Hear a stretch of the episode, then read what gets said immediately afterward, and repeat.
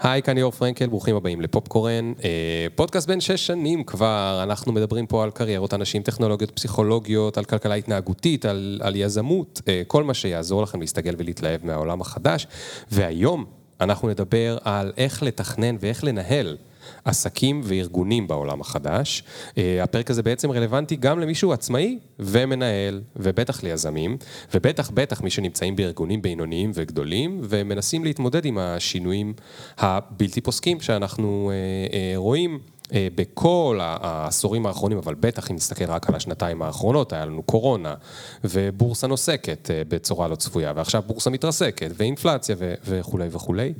כל השינויים האלה מראים שהדרכים שבהם חשבנו שאנחנו יודעים לנהל עסקים, הן לאו דווקא רלוונטיות להיום, אנחנו צריכים לעדכן גרסה, ולהבין איך עובדים בעולם בהפרעה. בשביל לעשות את זה הזמנתי את רם יאולוס, שהוא מחבר של ספר שקראתי לא מזמן, שנקרא עידן הדחיפות. ומה שמאוד אהבתי בספר זה שיש בו תפיסה מעודכנת, קצת שונה על איך להסתכל על ניהול עסקים וארגונים.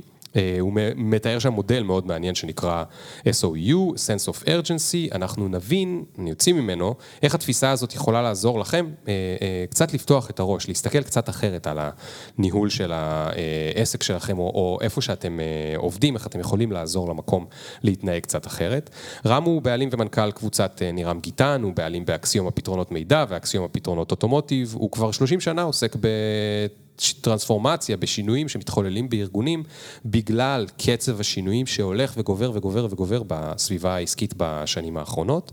ואנחנו נדבר על למה רוב הארגונים, אפילו סטארט-אפים שהם כביכול חדשניים וזריזים, אני רואה את זה אפילו שם, אבל בטח חברות גדולות כמו IBM וג'נרל מוטורס וכל מיני חברות שאתם עובדים בהן, ואני לא נציין עכשיו את שמם כדי לא להעליב אף אחד, אבל הם בעיקר עובדים בתגובה, הם מגיבים לשינויים במקום לקחת את ההובלה. מה אפשר לעשות, איך אפשר לקחת את ההובלה על השינויים ולא רק להיות אה, אה, מגיבים. נדבר מה ההבדל בין חדשנות להפרעה, נדבר על האפקט הפולארי, אה, אה, ונבין למה אנחנו בכלל צריכים לשנות את החשיבה מחשיבה שמניחה שאנחנו יודעים לאן אנחנו הולכים, לחשיבה שמניחה מראש שיש כאוס. מה שגם יוביל אותנו לדבר קצת על ברבור שחור, אה, ביטוי שהוא מאוד מאוד מעניין, בטח בתקופה שלנו. אז אה, רגע לפני שהעולם ישתנה לנו עוד פעם אחת, אה, זה, מהר, נכניס את המוזיקה ונתחיל בעוד שנייה. Yeah. Boom, boom, boom, boom. One time. Ring the alarm. Hot ass nigga, yeah. big ass head so my dreams get bigger. Yeah. Big campaign strong so my flows get sicker. Yeah. Confidence bigger than a drunk ass nigga. Look, I'ma work graveyard. לפני שנים, כבר די הרבה, היה לנו הכבוד לעבוד עם הנהלה של אחד הבנקים המובילים בארץ. ועבדנו צמוד עם משנה למנכ"ל שהיה אחראי על חטיבה עסקית, דמות מוכרת וידועה במקומותינו. ועשינו פרויקט, והיינו צריכים לבוא ולהציג את הפרויקט הזה בפני הנהלת החטיבה.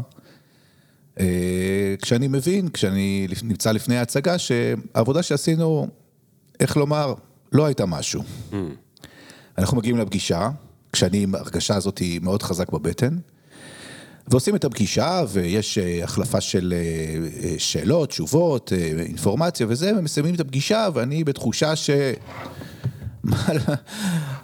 לא עשינו עבודה טובה, כן. הרגשתי שפישלנו.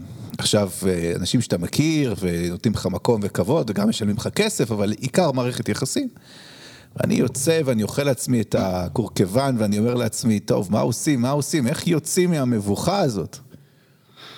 ואני מסתובב ככה כמה ימים וזה, ומדבר עם, אה, מתייעץ ככה עם איזה חבר, וזה, אומרים לי, תקשיב, הדמות ש... של, של אותו לקוח, הוא היה אדם דתי, עדיין אדם דתי. הוא אומר, תקשיב, יש ביטוי מאוד מאוד ידוע במקומותינו, נקרא מודה ועוזב ירוחם. לך תגיד, פישלתי, הוא יסלח לך, תלכו הלאה. גמרנו. ככה חשבתי. אני מגיע לפגישה, וכמובן נקבעה לי פגישה מיד, כי מערכת היחסים, אנחנו עובדים ביחד וזה, ואני מגיע ואני אומר לו, תקשיב, לא משנה שם, ה... שם ה... האיש, אני אומר לו ככה וככה, ואני מרגיש ממש על הפנים, ועשינו עבודה לא טובה וזה, והוא מסתכל עליי, ואני מבין שהוא פשוט לא מבין על מה אני מדבר. הקיצר, יצאתי מהפגישה הזאת... רגע, אתה מתכוון, הוא לא חשב שהעבודה לא טובה? לא. או שהוא לא ידע בכלל על מה אתה מדבר? אני, ביני לבין עצמי, חשבתי ככה, נכנסתי ככה, יצאתי ככה, והוא לא הבין על מה אני מדבר, ויצאתי עוד יותר מובך ממה שנכנסתי לפגישה. מוסר השכל, תחשוב פעמיים לפני שאתה מודה בטעות. דרך אגב, אם, אם מסתכלים על מקומותינו, אף אחד כבר לא מודה בטעות בכלל, מה שאולי זה הקיצון השני, ואולי בהתאם, לה, בהמשך לשיחה שלנו, כל מיני תופעות שמתרחשות בתרבות והערכים ה... אה, בעולם, אה, לגבי לקחת אחריות, לגבי אמינות וכן הלאה, זה הולך ביחס. אבל מה זאת אומרת אף אחד לא מודה? איפה, היום? איפה אתה רואה ש... היום מישהו לוקח אחריות? לא רק.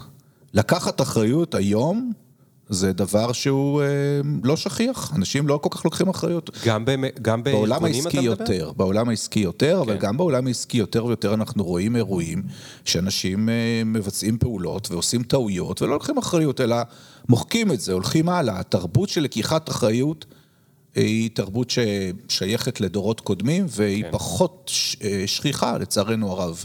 אז אני חייב רגע לעשות, אה, סליחה שאני רגע גונב את הזרקור, אבל... אה, אני כותב עכשיו ספר למנהלים חדשים, ואני מדבר על העובדה שבגלל שאנחנו נמצאים בעולם שבו הסמכות היא לא חזקה כמו שהייתה פעם, הם חייבים להיות גם מנהיגים, לא רק מנהלים. והטריק, אני אומר טריק כי זה לא קל, אבל כאילו הטריק הכי obvious בלהיות מנהיג, זה לקחת אחריות. דווקא אם מה שאמרת הוא נכון, ואתה רואה הרבה, הרבה מאוד ארגונים, ולוקחים פחות פחות אחריות, זה דווקא מעודד אותי, כי זה אומר שיהיה קל להתבלט. אם מישהו יגיע והוא ייקח על עצמו את האחריות, יהיה לו קל להתבלט, אבל מה יהיה קשה בזה? לא בבר... קודם כל, זה, אני מסכים איתך, אם מישהו לוקח אחריות הוא יתבלט בזה, השאלה, מה התוצאה של המעשה? האם כתוצאה הוא יקבל ערך? האם הוא יתחזק כתוצאה מזה, או שהוא ישלם מחיר? כן. אה, וזה ההתלבטות הגדולה. כשאנחנו מסתכלים על מה שמתרחש מסביב, השינויים הם לא רק שינויים של אה, איומים בסביבה עסקית, השינויים הדרמטיים הם שינויים של תרבות ודרך התנהגות, על כל הקו. והנקודה הזאת שאנחנו נתקלנו בה עכשיו היא נקודה אחת שבאמת אה, מראה, או אחד הסממנים לשינויים מאוד מאוד חזקים בתרבות. כאשר מישהו לוקח אחריות, אז יכול להיות שבמקומות מסוימים, שוב, סוגיה של, של תרבות ארגונית, יראו בזה כבוד, כן. זה יחזק את אותו אדם, זה יעזור לו ללכת קדימה, כן. זה יהיה מעשה עם השראה לאחרים. מצד שני, יש מקומות שמה שיקרה זה שהוא רק ישלם את המחיר. Mm. יש אגב גם הבדל בין אה, לקחת אחריות מול העובדים שלך ללקחת נכון. אחריות מול ההנהלה. נכון, לא רק, יש... אה, אה, בוא נאמר שאנחנו מדברים הרבה מאוד על ניהול סיכונים כחלק מתפיסת עולם בתרבות ארגונית ובניהול ארגונים היום. אז ניהול סיכונים זה משהו שמתעסקים איתו הרבה, אבל כל פעולה היום שאנחנו אה, מבצעים, אנחנו לא יכולים בכלל שלא לחשוב על מה תוצאות הפעולה. כן. בין אם, אם הפעולה היא פעולה עסקית, בין אם הפעולה היא פעולה של מנהיגות או אחריות וכן הלאה, אפילו ביחסי עבודה, היום אתה צריך לשקול כל פיפס של מה שאתה עושה, אתה בעצם לא יכול לנהל או להנהיג מתוך התחושות בטן שלך ולנוע קדימה. אתה כל הזמן זקוק לאיזשהו אה, אה, גיבוי מכל מיני כלים וכן הלאה, והחוכמה היא באמת לייצר את היכולות האלה ולהשתמש בהם כשהם חצי אינטואיטיביים. כן. אבל אה, כן. זה חלק מתפיסת העולם שאנחנו כן. מדברים עליה. אז, אז, אז בוא נתחיל רגע מה-C, מה זה העידן הדחיפות, ה-sense of urgency הזה? מה, מה, למה אתה מתכוון כשאתה אומר עידן הדחיפות? אז קודם כל אנחנו, עידן הדחיפות, אנחנו מדברים על העובדה שבחיים שלנו הכל הפך להיות דחוף. למעשה, אין יותר... אה, יכולת להיערך לדברים, אין יכולת לחשוב לטווח ארוך בסגנון של מה שהיה אפשר לעשות עשר שנים אחורה. הדברים זזים, אפילו בחשיבה אסטרטגית אנחנו מדברים על משהו שנקרא אסטרטגיה דינמית, שבגדול מה היא אומרת? היא אומרת, המטרה היא מטרה נעה. אז אם אתה חושב שאתה תכוון את, ה, את עצמך לכיוון המטרה, ואחר כך תרוץ לכיוון המטרה וגם תפגע, אתה טועה, המטרה תזוז. כדאי שתעדכן את עצמך כל הזמן. כן. עכשיו, זה, זה נכון לכל, לכל אה, מימד בחיים. אה, והדבר השני זה שיסודות החשיבה והניהול השתנו. לדוגמה, אה, אם פעם ידענו שלקוח זה לקוח ומתחרה זה מתחרה וספק זה ספק, היום זה כבר לא נכון יותר. מה הכוונה? הכוונה שהספק שלי יכול להיות מתחרה שלי מחר בבוקר, הלקוח שלי יכול להיות מתחרה שלי בבוקר, מחר בבוקר. יש לך לזה דוגמה ספציפית שקופצת מהראש? זה... אז דוגמה, אני אתן לך את הדוגמאות הבסיסיות שהן לא שייכות להיום. קח. את, אה, את אה, אה, אה, ביל גייטס וסטיב ג'ובס, ספק כן. לקוח, ומה קרה? קח את... אה, את אה, רגע, אז בוא נסביר שנייה. מי היה, מי היה, אה, ביל גייטס היה ביל גייטס המקור. היה ספק של סטיב ג'ובס, הוא היה המקור, גנב נכון? הוא לו את ה... נתן לו את מערכת ההפעלה. נכון. למחשבים של... הוא אה, פיתח עבורו, לפי כן. בקשתו, כן.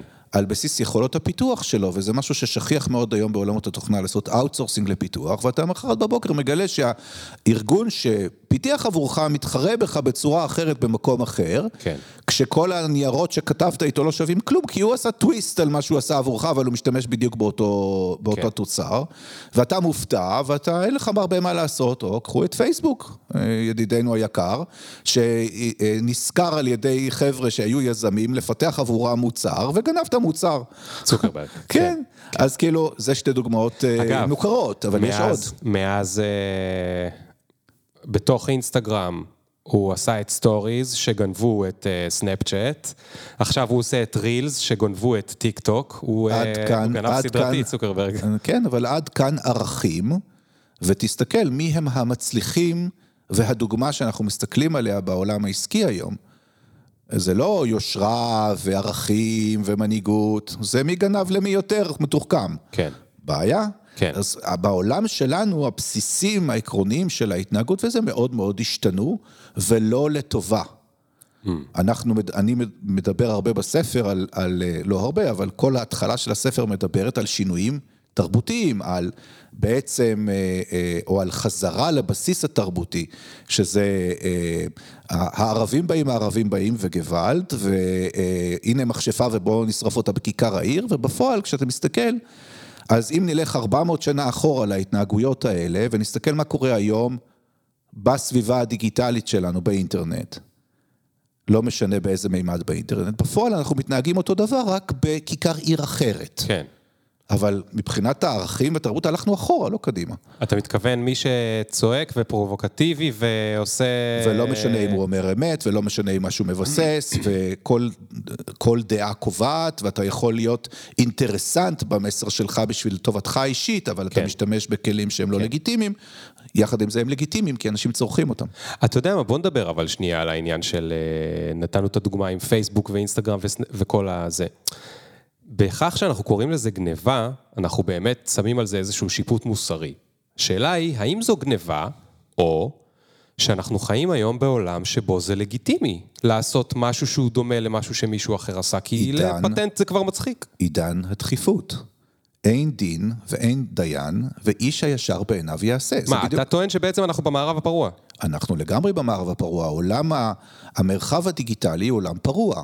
תחשוב על סייבר, תחשוב על היכולת, הקלות הבלתי נסבלת שלנו להוציא החוצה מסר לא מתוקף, לא מבוסס, לצבור קהל סביב המסר הזה, ושזה יהפוך להיות אמת. כן. לא בגלל שזה אמת, אלא בגלל שמישהו אמר משהו וכולם רצים אחריו לכיכר העיר בשביל כן. לסקול מישהו אחר. לגיטימי לגמרי. כן. היום העולם מתחיל לחשוב רוורס. ומנסים להתמודד עם העסק הזה, אבל זה, ההתמודדות היא הרבה הרבה יותר קשה, ואם בדור הקודם לקח לנו מאות שנים להתבגר מתוך ההתנהגויות האלה, כמה ייקח לנו עכשיו? כן. הכוחות האלה של הטכנולוגיה שמתיישבים על התנהגויות שהן לא, לא אה, אה, מנוהלות או לא אה, מכונסות תרבותית, זה יכול ליצור אה, בלאגן גדול. אז אתה ה- אומר, הטכנולוגיה התקדמה בצורה כזאת שהיא מאפשרת הרבה יותר אה, ביזוריות, נכון. תזוזה מהירה, אה, אה, גרסאות של דברים, מה שקראנו לו קודם גניבה, אבל אולי לא נקרא לו גניבה, אלא אפשר לקרוא לזה גם השראה. לאור היום, כן. השראה מהירה, אתה קורא לזה, אני רואה שאתה מאוד שיפוטי לגבי זה, אבל אנחנו נדבר על זה עוד מעט. ביחד עם ערכים תרבותיים שהשתנו, ואתה אומר שני הדברים האלה כשהם נפגשים, אז זה בעצם wild west עוד פעם. נכון, נכון. עכשיו, כשאנחנו מדברים על עידן הדחיפות, בעצם, אנחנו מדברים על התופעות אה, שהתחלנו לדבר עליהן עכשיו, יש לזה, אפשר לדבר על זה ימים שבועות ואולי חודשים, אפשר פשוט לעשות הרבה פודקאסטים רק על, ה, על החלק הזה של העניין, אבל אנחנו, אנחנו חיות ארגוניות, אנחנו עוסקים בארגונים, אז אנחנו מדברים בעידן הדחיפות על המשמעות של השינויים הדרמטיים שמתרחשים גם בטכנולוגיה, בהשפעה של הטכנולוגיה על האדם, וגם, כמובן, ובעיקר, במה זה עושה לארגון ואיך ארגונים מתמודדים עם העניין הזה. כן. אז, אז רגע, אני רוצה, לפני שמגיעים לארגונים, אני רוצה לדבר שנייה על אה, אה, אוכלוסייה אחרת שקרובה לליבי, עצמאים או בעלי עסקים קטנים. עצמאים הם בעצם, אתה יודע, יכול לבוא מישהו, להשקיע את כולו, או בעל עסק קטן, לעשות מיתוג למשהו, למצוא את הפוזישנינג, למצוא, הנה בדיוק איך הוא יקרא לעצמו וכולי, ואני רואה את זה המון נגיד בפייסבוק, ואז הוא הולך והוא רואה מישהו שעושה משהו מאוד מאוד דומה, עכשיו, אנחנו לא יודעים אם הוא לקח ממנו השראה או לא, הוא אומר, מה זה, זה שלי, זה אני עשיתי. עכשיו, עם כל הכאב שבדבר, נגיד שהוא אה, הומו אדפטוס אמרנו, נגיד שהוא אדם מסתגל, אז יכאב לו הראש, אבל הוא ילך והוא ישתנה. ארגון זה לא בן אדם אחד שצריך להשתנות. ארגון זה לפעמים 50, או 500, או 15 אלף, או 100 אלף, אם זה חברינו אה, הגלובליים. איך הם לעזאזל יכולים לנהל, איך אפשר לנהל ככה אסטרטגיה? איך אפשר, זאת אומרת, אתה יודע, אתה, אתה, אתה אומר את זה ואני מסכים עם כל מילה, אבל איך אתה עכשיו, שאתה מייעץ לארגונים, נכון, אתם מן הסתם, גם ב-NGG אתם הרבה יועצים לארגונים, אתה בא לחברה ומה אתה אומר לה? את לא יכולה לעשות אסטרטגיה כי היא גם ככה תשתנה? לא, אני אומר שהאסטרטגיה צריכה להיות אחרת, אבל אני גם אומר, וזה בדיוק הרעיון של ה-sense of urgency, ה-sense of urgency זה לא תיכנסו ללחץ. ה-sense of urgency זה להבין שארגונים לא יכולים לנוע בקצב שהם נעו קודם, הם לא יכולים אה, אה, לחוש את הסביבה שלהם, אנחנו קוראים לזה יכולת חישה, sensing. הם לא יכולים לעשות את זה בצורה שהם עשו את זה קודם. אה, הדוגמה אולי הכי טובה שאנחנו כולנו מכירים, ואולי חלק מהאנשים לא יאהבו את ההשוואה הזאת, אבל היא השוואה מאוד חזקה, זה היכולות שיש לנו ברמה לאומית, בכל מה שקשור לביטחון אה, של המדינה. היכולות, אם נסתכל על מה, נלך 40-50 אה, שנה אחורה, מה יכולנו לעשות מבחינה מודיעינית, לעומת, ואנחנו בימים אלה רואים תוצאות של יכולת מודיעינית, המערכים שלמים שנוצרו כתוצאה מזה שאין ברירה והסביבה שהיא כל כך רועשת ודינמית ומשתנה וכל אחד שמעביר פיפס ממקום למקום יכול לייצר איום חדש ונולדים לנו איומים השכם והערב מאלוהים יודע איפה אז אתה צריך לפתח יכולות שלא היו לך קודם. עכשיו כמובן שזה מקרה ברמה לאומית, אנחנו מדברים על משהו שהוא ברוחב פס יותר גבוה, אבל קחו את זה ב, ב, בסקאלה מתאימה. לארגון הספציפי שאתם רואים מול העיניים, או לארגון שאתם נמצאים בתוכו, הוא זקוק לאותם דברים, אז יש פה כמה דברים שחייבים להתפתח.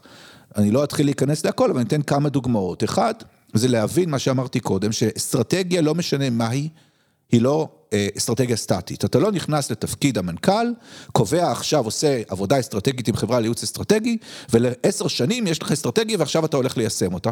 No can do. כן. כי עד שאתה גמרת לגבש את האסטרטגיה שלך, השתנה הסביבה וזה כבר לא רלוונטי וזה לא פרזה, זה אמיתי.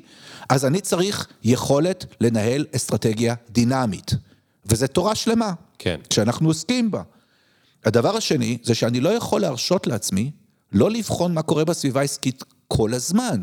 בדיוק מהסיבה שברגע שהוצאתי משהו החוצה, כולם ניכסו את זה לעצמם, ואם אין לי מה שאנחנו קוראים סטיקינס של המוצר שלי אצל הלקוח, או אין לי יכולת לייחד אותו ולהגן עליו, מה שהולך ופוחת כל הזמן, אפילו בעולם הברזלים, רק לפני איזה יומיים הייתה לי שיחה עם מישהו שעוסק בעולמות האינטגרציה, ודיברנו על היכולת שלו להסביר ללקוח את הערך. ואז אמרתי לו, כן, אין, הלקוחות לא מכירים בערך, המתחרים לא מכירים בערך, אף אחד לא מכיר בערך, רק הסיקינס עובד. האם הלקוח צריך את זה? אין לו ברירה, אז הוא עובד עם זה, אז כל השאר לא רלוונטי. כן. ואז הצורך שלנו בלהבין מה קורה בסביבה העסקית, מה מופיע לנו, מה מאיים עלינו, מה מתפתח באיזה כיוון, אה, אה, זה צורך שקיים, לא משנה באיזה גודל ארגוני. אני לא אמרתי שכל הארגונים יכולים להתמודד עם זה באותה מידה, זה בוודאי לא, אבל זה צורך. הדבר השלישי שמחויב במציאות, שהוא ממש ממש ממש, אם שני הדברים הראשונים הם, הם, הם אה, לא טבעיים לאנשים. אבל עוד איכשהו אפשר להבין עם מתודולוגיה מסודרת איך לעשות אותם. הדבר השלישי הוא עוד הרבה יותר קשה, וזה יכולת של, שלנו לפתח ארגון גמיש. לא כפרזה, אלא אמיתית, ופה זה אולי אחד הקשיים הגדולים ביותר, כי באופן טבעי ארגונים אינם גמישים. גמיש באיזה מובן? גמיש זה היכולת אה, לפתח אה, אה, יחידות ארגוניות, מערכים ארגוניים שניתן להרכיב אותם, לפרק אותם, להתאים אותם למשימות משתנות, להקטין את הארגון, להגדיל אותו לפי צורך. Mm. זה גמישות. עכשיו, ארגונים, ככל שהם יותר עוסקים במוצרים טנג'יבל, שאפשר לגעת בהם, לא כן. לא בנקים, אה, אה, חברות תוכנה, שזה הכל לופטגשפט בגדול, עושים הרבה כסף, אבל זה בגדול מעבירים כלום ממקום למקום ומוציאים מזה הרבה כסף, אלא תעשייה, אה, מוצרים שהם מוצרים בני קיימא, כן. אם זה בקמעונאות וכן הלאה, שאתה מחזיק מחסנים ומלאים וכן הלאה, נכון. תעשיית הרכב. יותר קשה, הרבה הרבה יותר קשה כן. לייצר גמישות. ואז יש אה, באמת אה, הרבה מאוד אתגרים של איך אני מייצר את המערך שלי יותר light. הזכרת למשל את. תעשיית הרכב, אז אני אגע רק בהפצת הרכב. לפני אה, בערך חודש, חודש וחצי, אני יושב אצל גוף שעוסק בהפצת רכב, תחום שאנחנו חיים בו לא מעט. אה, והוא אומר לי, אני מקים עכשיו מוסכים חדשים. אני אומר לו, למה לעזאזל אתה מקים מוסכים? סליחה על הצרפתית. אני אומר לו, למה לך? זאת אומרת, כי יש לי צורך וזה. אני אומר לו, לא, אתה לא מבין. מוסך זה לא מקור לרווח, מוסך זה רק liability. אתה לא רוצה להקים כזה דבר. אז הוא אומר לי, באמת, למה? אבל אני ככה ואחרת וצריך וזה. אני אומר לו, עד שאתה תגמור להכיר את המוסכים, אתה תרצה מהר להיפטר מהם. כי בפועל מה שזה גורם, זה גורם להתחייבות על שטח, גורם להתחייבות על מבנה, גורם להתחייבות על כוח אדם וציוד וכן הלאה, וכשזה מתחיל לפעול, לוקח לך חמש שנים להתחיל לעשות return of investment, והעולם השתנה. אז ההשקעה בתשתיות כאלה היא דורשת הרבה יותר capacity, הרבה יותר אה, אורך רוח והרבה יותר אה, אופק תכנוני, כן, כן. שלא מתאים לכל מקום וצריך לשקול אה, הרבה פעמים. עכשיו, יש עוד מספר אבל, לא קטן של מימדים בעניין הזה. בוא נשאר רגע עם אותו בחור. מה הוא אמור לעשות? אז באיזה קונפיגורציה כן היית אומר לו, לך תקים מוסכים? לא הייתי אומר היום, ובתעשייה הזאת מכירים אותי טוב, לא רק בזאת, אבל בזאתי במיוחד. והדעה של, שלנו היום זה, אה, תעשו שותפויות, תכניסו שותפים, תפיצו, תחזיקו מערכים יותר גמישים ויותר light, אל תקימו תשתיות כבדות, כי זה יהפוך להיות בגדול אה, עול. כן. ולא, ולא מקור רווח. זה חלק מתפיסת הגמישות שאנחנו מדברים עליה. מדהים. נגעת בנקודה אחת, בוא, בוא נצלול קצת יותר לעומק. הנקודה שהרגע דיברת עליה, תעשו שותפויות, אז אני לא מבין, לא בעולם המוסכים ולא בתעשיית הרכב, כלום, אני, באמת, אני, במזל שאני יודע לנהוג, זה הכי הרבה. אמ, אפשר לדבר גם על זה, דרך אגב. נכון. אז, אבל אני יכול להבין שאותו מוסך שאני הולך אליו, לפעמים שהוא לא מוסך מורשה, הוא יותר גמיש מה, כנראה מהמוסך המורשה שאני הולך אליו. כי המוסך ההוא שאני הולך אליו, שהוא לא מורשה, הוא יודע לטפל ב-15 סוגי רכבים. עכשיו, הוא לא יודע האם השנה יותר יתקלקל סיאט או יותר יתקלקל גולף. לא אכפת לו. מי שהגיע, הוא יודע לתקן. נכון שחלקי חילוף וזה, אבל אגב, מה שאני אשמע אותו הרבה פעמים זה...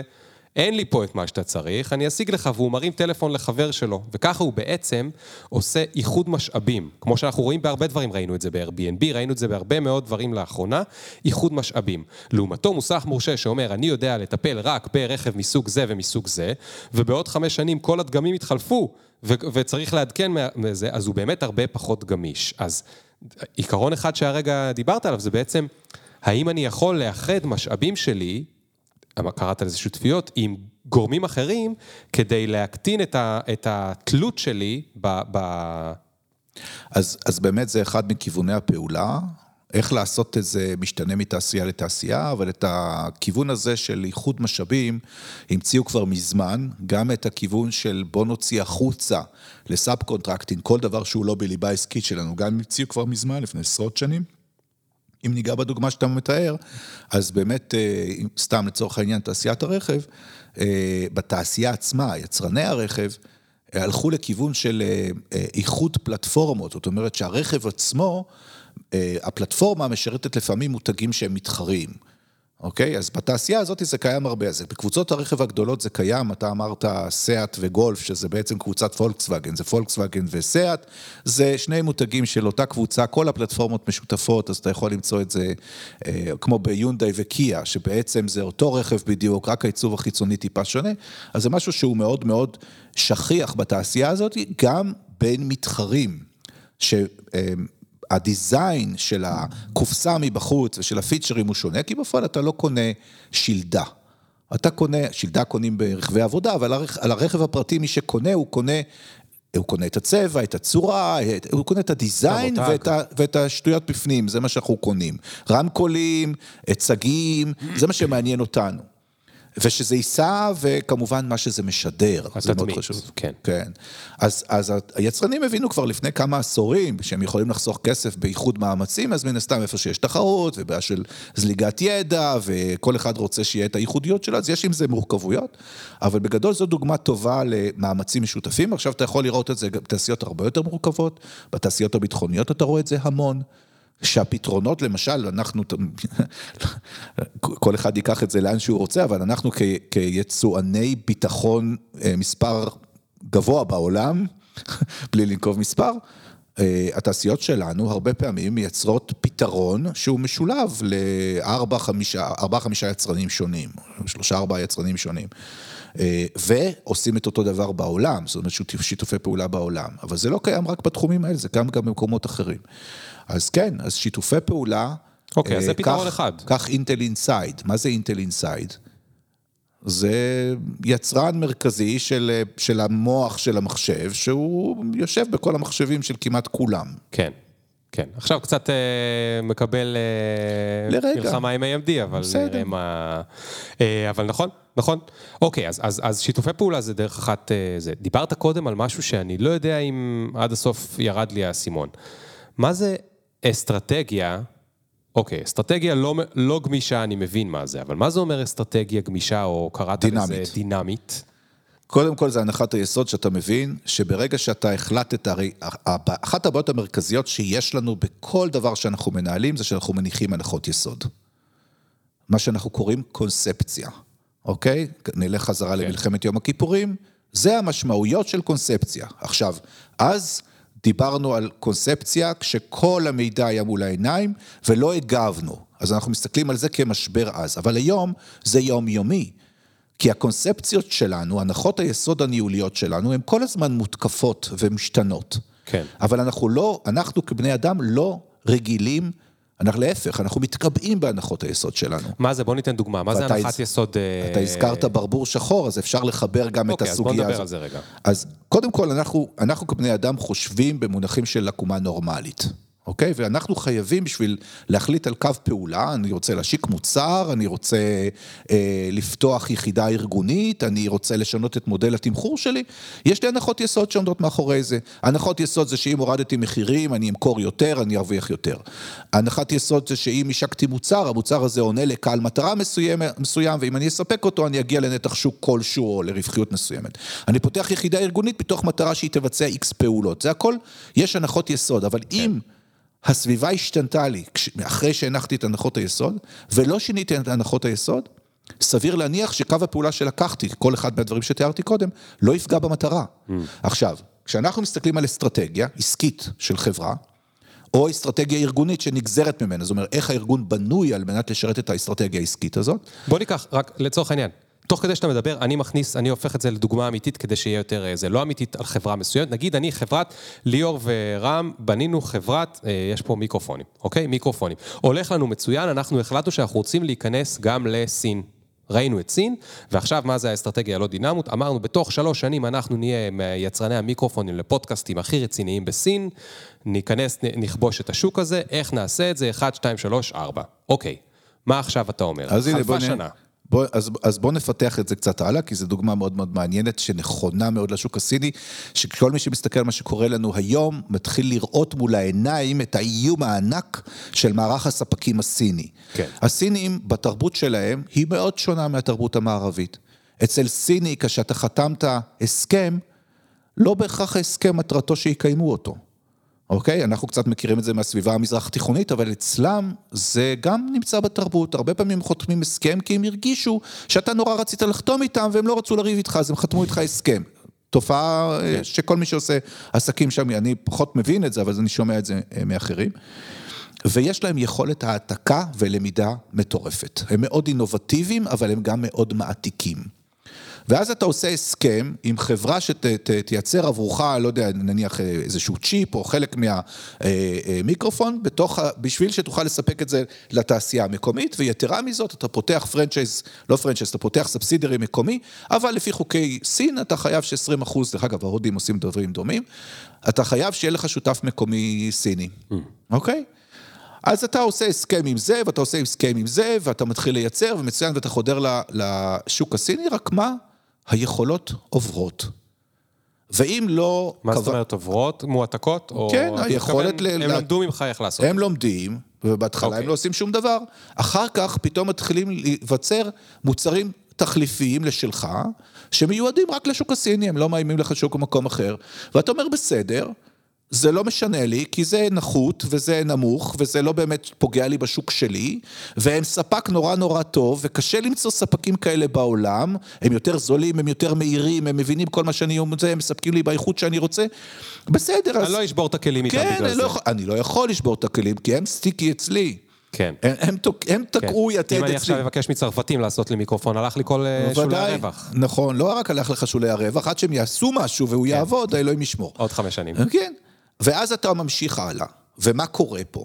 התפיסת עולם, הנחת היסוד שהנחנו ביחד באותו ביזנס שהקמנו, שספק הסיני הוא הספק האיכותי, ואם אנחנו נעבוד איתו, אנחנו ניצור אה, ליין יותר חזק, ונוכל להפיץ יותר לש, לשוק הסיני יותר בקלות וכן הלאה, שהייתה הנחת יסוד שהייתה נכונה בנקודת זמן מסוימת, המשכנו עם הנחת היסוד הזאת יותר, מזמן, יותר מדי זמן, בלי אה, להבין איפה העסק הזה זז mm. מהנחת היסוד שלנו, בלי לבחון את זה, כשהרשינו לעצמנו להשתעבד לערכים המוספים של קו הפעולה שהגדרנו, האיום שנוצר, אנחנו לא רוצים להסתכל עליו, הוא לא נמצא בעקומת הנורמל של הנחות היסוד שאנחנו מניחים, ואז מופיע לנו מה שאנחנו קוראים disruption.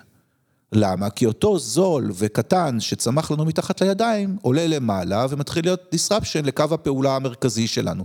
זה מה שנקרא מודל משבש, כן. בניגוד אולי לתרגום של disruption לעולם בהפרעה, שאנחנו משתמשים בו, שמדבר יותר על מערבולת, על, על כאוס, על דבר שגורר דבר.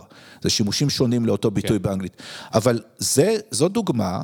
לזה שהנחת יסוד יכולה להביא לתוצאה הפוכה ממה שרצית. איך יכולנו למנוע את זה? אנחנו צריכים קודם כל להבין שבכל פעולה שאנחנו עושים יש סיכונים. אז פעם אחת הצורך להגדיר מהו מערך הסיכונים שיש בפעולה ולעקוב על הסיכונים האלה זה דבר אחד. הדבר השני זה שכל פעולה יש לה משך חיים. היא מתה בנקודת זמן מסוימת וצריך לאושש אותה ולבנות אותה מחדש וחייבים כל הזמן לבחון אותה. כן. צריך לשאול את עצמנו מהם קבועי הזמן שאנחנו נבחן את ההחלטות שלנו ונאושש את הנחות היסוד או נשנה אותם ומהו מרחב הסיכונים שאנחנו מסתכלים כשיש שני סיכונים שאנחנו כן. אומרים חייבים להטמיע אותם בתוך תהליכי החשיבה. אז אחד, זה מה עלות הטעות בהחלטה ושתיים, זה מה משך ההתאוששות שלנו מהחלטה שגויה. כן. זה יגרום לנו לקצר את אופק התכנון שלנו. ולהזיז אותו כל הזמן. עכשיו, אתה לא מייצר אופק... זאת אומרת, אתה לא אומר, אופק... אני עושה את זה חמש שנים ואני יכול עכשיו לשבת בשקט. בדיוק. אני צריך כל מה? כל רבעון? כל לא יודע. כל מימד באסטרטגיה, יש לו אה, אופק תכנון אחר. כן. וכל מימד באסטרטגיה צריך להציב את הדגלים האדומים שעליהם עוקבים בשביל לראות אם אין בעיה באסטרטגיה שהגדרנו. אז קודם כל זה יותר מאוד... יותר קשה, יותר מורכב, יותר נכון. רב-מימדי. קודם כל זה באמת מנוגד לטבע, כי נכון. יושב מנהל חכם או מנהלת חכמה, ואומרים זה מה שאנחנו נעשה, ואחר כך כל פעם שבא איזה מישהו ואומר, אה, אתם שומעים רגע, שימו לב מה זה, אז הוא אומר לו, לא, זה מה שהחלטנו, ובואו נדבוק במטרה, ואנחנו חייבים להיות קונסיסטנטים, ואם נהיה קונסיסטנטים ונמשיך, אנחנו נגיע למטרה, ואי אפשר לזה, להטיל ספק כל הזמן. לזה אנחנו קוראים קונספציה. כן. ו- ופה יש ביטוי אחר שאנחנו משתמשים בו, וזה הביטוי של האדם העשירי. לא המצאנו אותו, אם תעשה האדם העשירי, תמצא את זה באינטרנט. האדם העשירי? האדם העשירי. כן, מה זה האדם אומר? העשירי, בחדר שיושבים בו עשרה אנשים, כן. וכולם אומרים, צריך לדבוק בקו הפעולה שאמרנו, וכולם מסכימים עליו, האדם העשירי בחדר חייב להגיד הפוך, ולפתח קו פעולה הפוך למה שכולם אמרו. זה עיקרון האדם עכשיו- העשירי. עכשיו רגע. עכשיו, אתה יודע, אתה כל הזמן מדבר, ואני חושב עלינו, על החברה כבר המטורפת שבנינו, ומה נעשה עכשיו עם זה שהסינים דפקו אותנו וזה, אבל בו זמנית אני גם חושב על אה, איילת, ואיילת היא החליטה להיות... אה, אה, יועצת פרילנסרית בתחום מאוד מאוד חדשני, היא יועצת לפודקסטרים שפותחים את הפודקאסט שלהם, והיא תעזור להם לעשות מיתוג לפודקאסט ובלה בלה בלה בלה בלה, והיא הלכה והיא שילמה הרבה כסף למעצבת שפיתחה לה את האתר, והיא שילמה לקופירייטרית שתכתוב לה את המסרים, והיא יצאה עם זה לשוק, ואחרי חצי שנה, שנה, גם היא בעצם צריכה להגיד, אני, אני לא אוכל לדבוק בזה לעד, זה לא שעכשיו עשיתי איזשהו שינוי והפכתי להיות עצמאית ואני עכשיו 20 שנה הולכת להיות uh, זה, זה יחזיק לי רק, זאת אומרת מראש אתה אומר, בציפיות, זה יחזיק לי רק תקופת, תקופה יותר קצרה ואחריה אני צריך לבדוק, יכול להיות שכבר השירות הזה שאני המצאתי לעצמי הוא לא יהיה uh, רלוונטי או שיש לו איומים. עכשיו, דווקא מהראש של איילת, יותר קל לחשוב גם על הראש שלנו כאנשי עסקים גדולים שפורצים לסין, זה קצת מוריד את המוטיבציה ליזמות. הפוך בעיניי. אוקיי, אז בוא נדבר על זה. הפוך בעיניי, כי... אני רק אסביר למה, אני, אתה מבין למה אני מתכוון? אתה, אתה אומר, אני אעשה את כל המאמץ, ווואלה, תוך חצי שנה זה יכול להיות שכל הרעיון שלי והמאמץ שלי ילכו לפח. קודם כל זה נכון, אבל זה נכון כבר הרבה מאוד זמן בכל מה שקשור ליזמות, בטח ביזמות טכנולוגית, אבל בכל סוג של יזמות. אה, יש, יש אה, אה, מושג אחר שאנחנו משתמשים בו, וזה יתרון לקוטן. ככל שהעסק שלך קטן יותר, הוא גמיש יותר, הוא דינמי יותר, והוא יכול להתאים את עצמו, כמובן, זה תלוי בבן אדם ובכמה בן אדם מאוהב בעצמו וברעיון שלו. אז אם הבן אדם הוא פתוח, והוא דינמי, והוא מתאים את עצמו, סיכויי השרידות שלו עולים. כן. אוקיי? ככל שהגוף הוא גדול יותר, ויש בו יותר תשתיות שמהוות בעצם ביטוי להנחות יסוד ארגוניות, הגמישות שלו יורדת והשרידות שלו יורדת יחד עם זה. כן. אה, מן הסתם, זה בכל תעשייה אחרת, ויש ארגונים שהם גדולים יותר והם דינמיים יותר מארגונים קטנים מהם, כאילו, אין, ש- שום דבר פה לא יושב בשורה אחת, אין פה כן. שורות והשוואות וכן הלאה. אחד הדברים שאנחנו אומרים זה, באים אלינו דברים, "ת- ת- תשוו לנו ל-best practice. אנחנו אומרים אין כזה דבר best practice, כי אם זה best practice זה כבר לא best וכבר לא practice, עכשיו צריך לשנות. אז כאילו מה, אני, אני יכול לקחת רעיונות, דוגמאות וזה, אבל אין כזה דבר best practice. דרך אגב, יש כן clusterים מוצלחים, כאילו קח קטעים ודוגמאות מכל מיני מקומות ותרכיב מזה cluster של התנהגויות, אבל אסור להעתיק שום דבר כמות שהוא, כי שום כן. דבר הוא לא sustainable כן. בעצם ממקום למקום. עכשיו תגיד, בתוך הארגון, מי לדעתך תפקידו כל היום להיות מודאג מהדברים האלה? כי, זאת אומרת, אני יכול לשאול, האם המנכ"לית שלנו, אוקיי, היא כל היום צריכה להיות מודאגת מהאיומים והזה שהיא צריכה להביא חדשנות? כי יש לה גם חברה לנהל. אז אז קודם כל, אה, אני חושב שאנחנו כולנו מבינים היום שמנהיגות ארגונית היא לא בן אדם אחד. נכון שיש ראשון בין שווים, יש מי שהוא הסטירינג של הארגון, אבל המנהיגות האמיתית שלו זה להביא את המיטב מהחבורה שמסתובבת סביבו, אז הבעיה הזאת היא בעיה של כולם. אוקיי? הצוות, הצוות המנהיגות של ארגון הוא, הוא הגוף שצריך אה, אה, להיות מודאג מהיכולת של הארגון ללכת את ה- את ה-next step ולפתח את החשיבה הנכונה. מן הסתם, המנהיג המוביל, המנכ"ל לצורך העניין, בוודאי הדירקטוריון צריכים להיות מאוד מודאגים מהיכולת של הארגון ללכת דרך. האם, עכשיו, כל, כל אחד יש לו תפקיד אחר. המנכ"ל לא צריך לתת תשובות לכל דבר, אבל מה זה להוביל, להנהיג ארגון, לנהל ארגון, כמו שאתה אומר? אם אין לי אסטרטגיה, והאם האנשים שלי לא בוחנים את מה שהם עושים, ואם אם לא, לא הקמתי את הגופים הארגוניים המתאימים לשינויים שמתרחשים, או פירקתי אחרים, או השקעתי בטכנולוגיה, או עשיתי את הטרנספורמציה הנכונה בהון האנושי שלי, אז במה באה לידי ביטוי המנהיגות שלי? כן. אוקיי, בלהגיד אחריי? גם כשאתה אומר אחריי, אני לא, לא יודע מי. מהמאזינים, מי מהמאזינים שלנו זוכר את הסרט שנקרא אפוקליפסה עכשיו, אבל אם תעשו, בדיק, תעשו באינטרנט חיפוש, זה די הרבה שנים כבר, אבל אותו גנרל שרץ בווייטנאם קדימה וצעק אחריי, רק אף אחד לא בא אחריו, והיה צריך לשלוח אה, מישהו מה-CIA להוריד אותו כדי שלא יפריע להחלטות ה... אז כאילו... מה זה אחריי? אחריי זה באמת לקחת את הארגון איתך. כן. ו- וזה לא אומר שאני יודע הכל, אני לא יודע כלום, אני רק יודע לגרום לכולם להביא לתוצאה יותר טובה. כן. אוקיי, אז דיברנו על אה, אה, אסטרטגיה דינמית, ואז גם דיברנו טיפה על ארגון דינמי. אתה אמרת את זה בשורה, והייתי שמח שכן נשקיע בזה דקה ולא שורה. ארגון שהוא יותר דינמי. איך בונים ארגון בצורה שהיא יותר דינמית? מה זה ארגון? יש עץ, יש למעלה מישהו, מתחתיו יש את הבכירים, VP, סמנכ"לים, מתחתיו יש את האלה, מתחתיו יש ראשי צוותים, מתחתיו יש אנשים. איך אני עושה את זה דינמי? עכשיו, מה אני אומר לכל אחד? היום אתה סמנכ"ל שיווק, מחר אולי תהיה סמנכ"ל מכירות, ומחרתיים תהיה משהו אחר? לא, אני ממציא שמות חדשים, כי אחרת זה לא מעניין. לא, אבל אם נהיה רציניים לרגע... סמנכ"ל שיווק דינמי. כן. בדיוק, זה... סמנכ"ל זה- דינמי 1, סמנכ"ל דינמי 2, סמנכ"ל דינמי 3. זה דרך אגב תופעה שאנחנו רואים הרבה מאוד בארגונים, שצריך לתת תשובה לאיזשהו נושא ארכאי, לא ארכאי, אה, אה, אה, נושא לא מוגדר לצורך העניין, שאנשים לא יודעים להחזיק בו, ואז מגדירים מנהל לנושא. כן. סמנכ"ל קיימות, כן. סמנכ"ל הטרדות מיניות, דיגיטלית. סמנכ"ל טרנספורמציה דיגיטלית, מה זה כל הדברים האלה? זה כל מיני שמות שאנשים, סמנכ"ל ניהול סיכונים. אז, אז התשובה היא שאין תשובה אחת, אבל יש כן גישה, תפיסה ועקרונות עבודה. ואנחנו אומרים כמה דברים. אנחנו אומרים קודם כל, שאנחנו צריכים להבין שבעולם שלנו כל הזמן יש את הארגון הלגאסי, שמקיים אותנו היום, שהוא היצרן של הערך של מה שאנחנו עושים כרגע. וכל הזמן מתפתח לידו ארגון חדש, שמה שהוא עושה זה הוא דואג לנקסט סטפ הארגוני, וצריך להבדיל בין השניים. אין לזה מודל עבודה אחד, זה בכל מקום מיושם טיפה אחר, אבל החשיבה היא כזאת. למה ההפרדה בין השניים? בעבר חשבנו רגע, הפרדה ממש פיזית. כן. מבחינת אנשים. זאת אומרת, יש אנשים שהם בארגון הקיים, ויש אנשים שעובדים בארגון החדש שמתהווה. כן, כן, אני אתן לך דוגמה, למשל, אנחנו עוסקים הרבה מאוד בעולם מערכות המידע, כי הוא סוער היום מכל כיוון, הטרנספורמציה הדיגיטלית, שבטעות הרבה פעמים מדברים עליה רק בהיבט ההוצאת תהליכים לשימוש עצמי על ידי לקוח, לא ככה.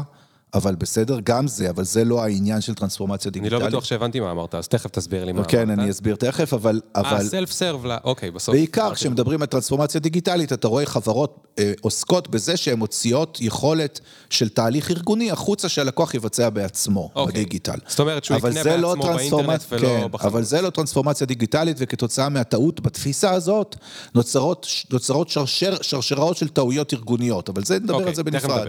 כן. אבל אה, אם אנחנו חוזרים חזרה, אז כן.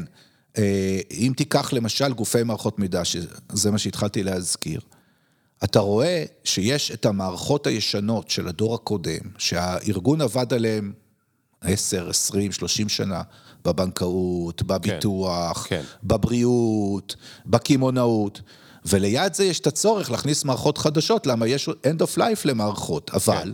המערכת שקיימת בארגון היא מורכבת, היא מסואבת, הביטוי שמשתמשים בו במערכות מידע זה ספגטי של תהליכים, מערכות ו- ופעולות. בגדול זה סוג של הקשר הגורדי, אף אחד לא יודע איך לפרק אותו, תקלה בפני עצמה. ואז בוא נחשוב מה קורה בשני מימדים. אחד זה שהארגון ממשיך לרוץ, לעשות טרנספורמציה דיגיטלית, קרי הוא מסבך את החיים שלו עוד יותר, בלי לפשט את מה שהיה. ושתיים, הוא צריך להתחיל להכניס מערכות חדשות, כי המערכות הישנות מתיישנות. ואז עולות כל מיני שאלות, איך אנחנו עושים את זה. האנשים שהם התמחו במערכות של אתמול, שהם המערכות של היום, הם מתחומי מקצוע שונים לגמרי. הם מכירים את הטכנולוגיה של אתמול. אתה יכול להכריח אותם לחשוב גם על הטכנולוגיות החדשות? האם זה בכלל feasible שאדם שלו חמש, עשר, חמש עשרה שנה, עשרים שנה, ובטח אם זה יותר מזה, עוסק ב... לא יודע, באיזה מערכת אה, AS400 כזאת בארגון, יהיה מסוגל לחשוב על פיתוח פתרונות דיגיטליים באינטרנט? או להכניס SAP לצורך העניין? ממש לא. במקומות שניסו לכפות את זה אחד על השני, לא עשו כלום. או גרמו נזק לכל הזה. אז הבינו שצריך להפריד את הדברים, ומנהלים את זה בנפרד, ואז נשאלות, נשאלות הרבה שאלות, לא רק כן, שאלה. כן. ומתי זה מתחיל, מתי זה מסתיים, מתי מחליפים, איך מטפלים בקונפליקטים בין מה שהיה ישן למה שחדש. אבל מה בגדול... יעלה בגורלם של אלה נכון, שתקועים עם ה-AS400? אבל בגדול, אם אני לא מבין שאני נותן חיים לחדש, ולא כופה על הישן את החדש ועל החדש את הישן, Mm. כי אם אני כופה עליהם, זה בלתי נסבל, זה לא חי. אז אני צריך להבין שכן, אני חייב לתת לזה חיים נפרדים, ואחר כך להתמודד עם ההשלכות, אבל, הם, אה, אבל בלי לעשות את זה, פשוט אין. אוקיי, אז אתה ממש מייצר תזה, אנטי-תזה, ואחר כך נראה מה יהיה בסינתזה. ומנהל את הסינתזה. אז אתה מנהל, כן. מנהל את הסינתזה, יפה. אז מנהל אתה, אז אתה מאמצים מנהל שני מקבילים, ארגונים, נכון. ו... אז יש לך שלושה מאמצים, מאמץ, נכון. מאמץ רגיל שכבר עד עכשיו ניהלת, מאמץ חדש, והמאמץ נכון. השלישי שהוא הסינתזה. נכון שזה אחד האתגרים הארגונים הגדולים. עכשיו, מה שאני מתאר פה הוא אתגר שקיים כמעט בכל ארגון גדול היום. כן. אנחנו יכולים לראות את המערכים הטכנולוגיים מתפתחים, מתנפחים ומתפתחים מאוד, בצורה שהיא לא פרופורציונלית בכלל למה שהארגון היה חולם, רוצה או מתכוון להשקיע, אבל הוא נסחף אחרי זה כי אין לו ברירה. מה שאנחנו קוראים סינדרום התגובה. הוא או, מגיב, בוא מגיב, נדבר. מגיב, מגיב, בואו נדבר על סינדרום כן. התגובה רגע. כי הזכרתי אותו ממש בהתחלה, וזה כאילו ה... זה הבסיס לכל הסיפור פה, נכון? זה אחת התופעות החזקות שגורמות לנו לייצר מערך של טעויות. אנחנו היינו רגילים, אנחנו כבני אדם צריכים זמן. אנחנו צריכים, רואים את זה בכביש, אוקיי? אני צריך לראות, אני צריך להג... אה, לקלוט, ואז אני יכול להגיב, ואז יש מרחק עצירה, כן? לא מהמבצע עכשיו, אלא מרחק עצירה של הרכב, למרות שזה אותו דבר בלוגיקה. אנחנו בנויים ככה. אם לא קלטנו, לא הפנמנו, לא עיכלנו, לא עשינו את ה processing של הדבר הזה, לא נלחץ על הברקס ולא נעצור, נעשה תאונה. נכון. אז גם בארגונים זה ככה. אנחנו צריכים לראות משהו שמופיע לנו בסביבה שלנו ולהגיד, אוקיי, מה זה הדבר הזה? איך זה משפיע עליי? איך אני נערך אליו? כן. ואז אני צריך להיערך, להגיב ולעשות מה שאנחנו קוראים להמשיך business as usual. כן. אבל אין business as usual. והתופעות שמגיעות, מגיעות בקצבים שאי אפשר לקחת לנו את הזמן. כן. ואז מי, מי בנוי לזה בכלל? ואז אני מתחיל להגיב, להגיב, להגיב, להגיב, והמאמצים הארגוניים, האנרגיה, מתכלה על תגובות, כן. במקום על יוזמה. כן. אחד אז- האתגרים אז, הגדולים אגב, שלנו. בוא ניקח דוגמה מצוינת, כי uh, בקורונה זה היה כמו, אתה יודע, אה, אני לא אתפלא אם, אה, אם לך היו קטעים בקורונה שאתה פשוט כאילו התפוצצת מצחוק, כי זה כאילו לקחו, עשו קומדיה.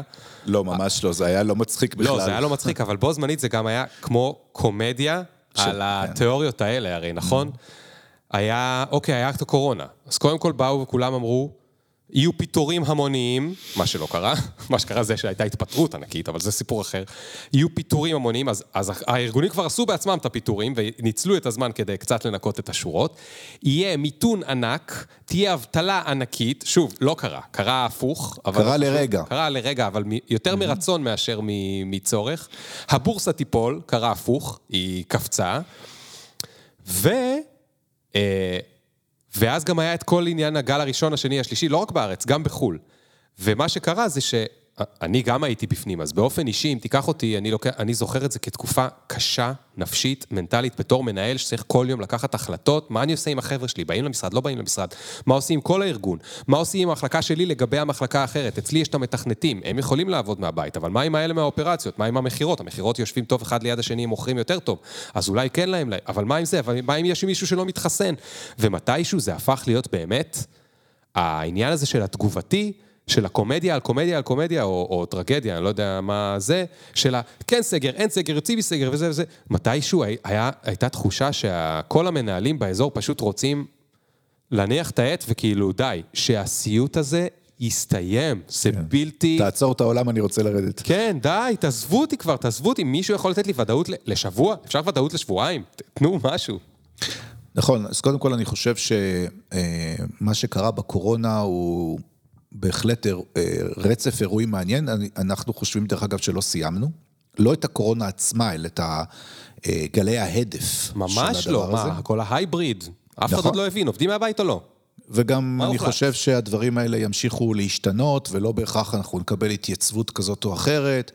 וכל התזות, אה, דרך אגב, אה, אני מאוד אוהב, מאוד אוהב במרכאות כפולות את הביטויים של ההתפטרות הגדולה, החזרה הגדולה, זה בסך הכל backfire של איזשהו אירוע, וכמו שזה קרה עכשיו, יכול לקרות מחר, אבל מיד עושים מזה עניין ומדביקים לזה שם וקוראים לזה כך או אחרת, כדי זה, וכמובן מנפחים לכולם את ה... את התחושה שזה בסדר איך שהם מתנהלים, ואז פתאום מגלים שזה לא בדיוק ככה, ונותנים לזה שם אחר, זה כאילו חלק מהטבע שלנו. בעינינו, אה, האירוע של הקורונה הוא אה, דוגמה מאוד מאוד אה, חזקה לסט תגובות, שלא בהכרח אפשר היה להגיב אחרת במצב נתון, אבל הוא סט תגובות שגורם לרצף של גלי הדף של אירועים שלאו דווקא הם הכרחיים.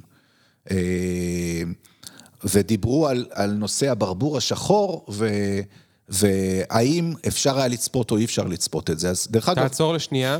לא הסברת בסוף מה זה ברבור שחור, תן דקה על ברבור שחור. בסדר, אז קודם כל התיאוריה של הברבור השחור אה, אה, נכתבה על ידי אה, אדם שנקרא אה, נסים ניקולס טלב, שהוא פרופסור... אה, ממוצא לבנוני, אם אני זוכר נכון, נכון, הוא כתב את הספר הברבור השחור, ובתמצית של התמצית אני, אה, אני אזקק את זה, מה שהוא אמר זה, הוא אמר שאירועים שמפתיעים אותנו הם תולדה של החשיבה הנורמלית שאנחנו מפעילים, לא של זה שאי אפשר היה לצפות אותם, אלא זה שאנחנו מתירים אותם מחוץ לספקטרום הנחות היסוד שלנו, שהם יכולים אכן להתרחש. אמרתי משהו מפוצץ, אז אני אסביר. כן. בגדול, הוא אומר, למשל, הקורונה איננה ברבור שחור. למה היא איננה ברבור שחור? בגלל שאפשר היה לצפות שיהיו מחלות שיתפרצו. כן. מה זה כן ברבור שחור? וגלובלית, כש, כשכל כך קל לטוס לחו"ל, אז היה נכון. קל לצפות גם שזה יפוץ נכון, גלובלית כל כך מהר. נכון, שזה יגרום נזק, נכון. עכשיו, אם... ממשלות היו נערכות. קח למשל את כל הנושא של ההתחממות הגלובלית. הנזקים של ההתחממות הגלובלית, שום דבר פה לא חדש. אבל אם תיקח את זה חמש שנים מהיום, כולנו נופתע איך פתאום ככה וככה קורה. איך פתאום יש לנו יותר ויותר שערות בשנה. למה זה קורה שיש... למה? כי זה שראינו מול העיניים את התופעה, לא גרם לנו לעכל שהיא אכן מתרחשת. למה? כי אנחנו מניחים בהנחות יסוד שזה בסדר ושזה יעבור, ואולי טיפה יותר חם עכשיו, אבל לא נורא, יהיה פחות חם אחר כך. כן. אז כשעוברות השנים וזה לא מתרחש, אנשים מתחילים להפנים. מתחילים להפנים, מתחילים לעכל, אבל זה לפעמים too bloody late. אה, אז, ואז מתחילות תגובות.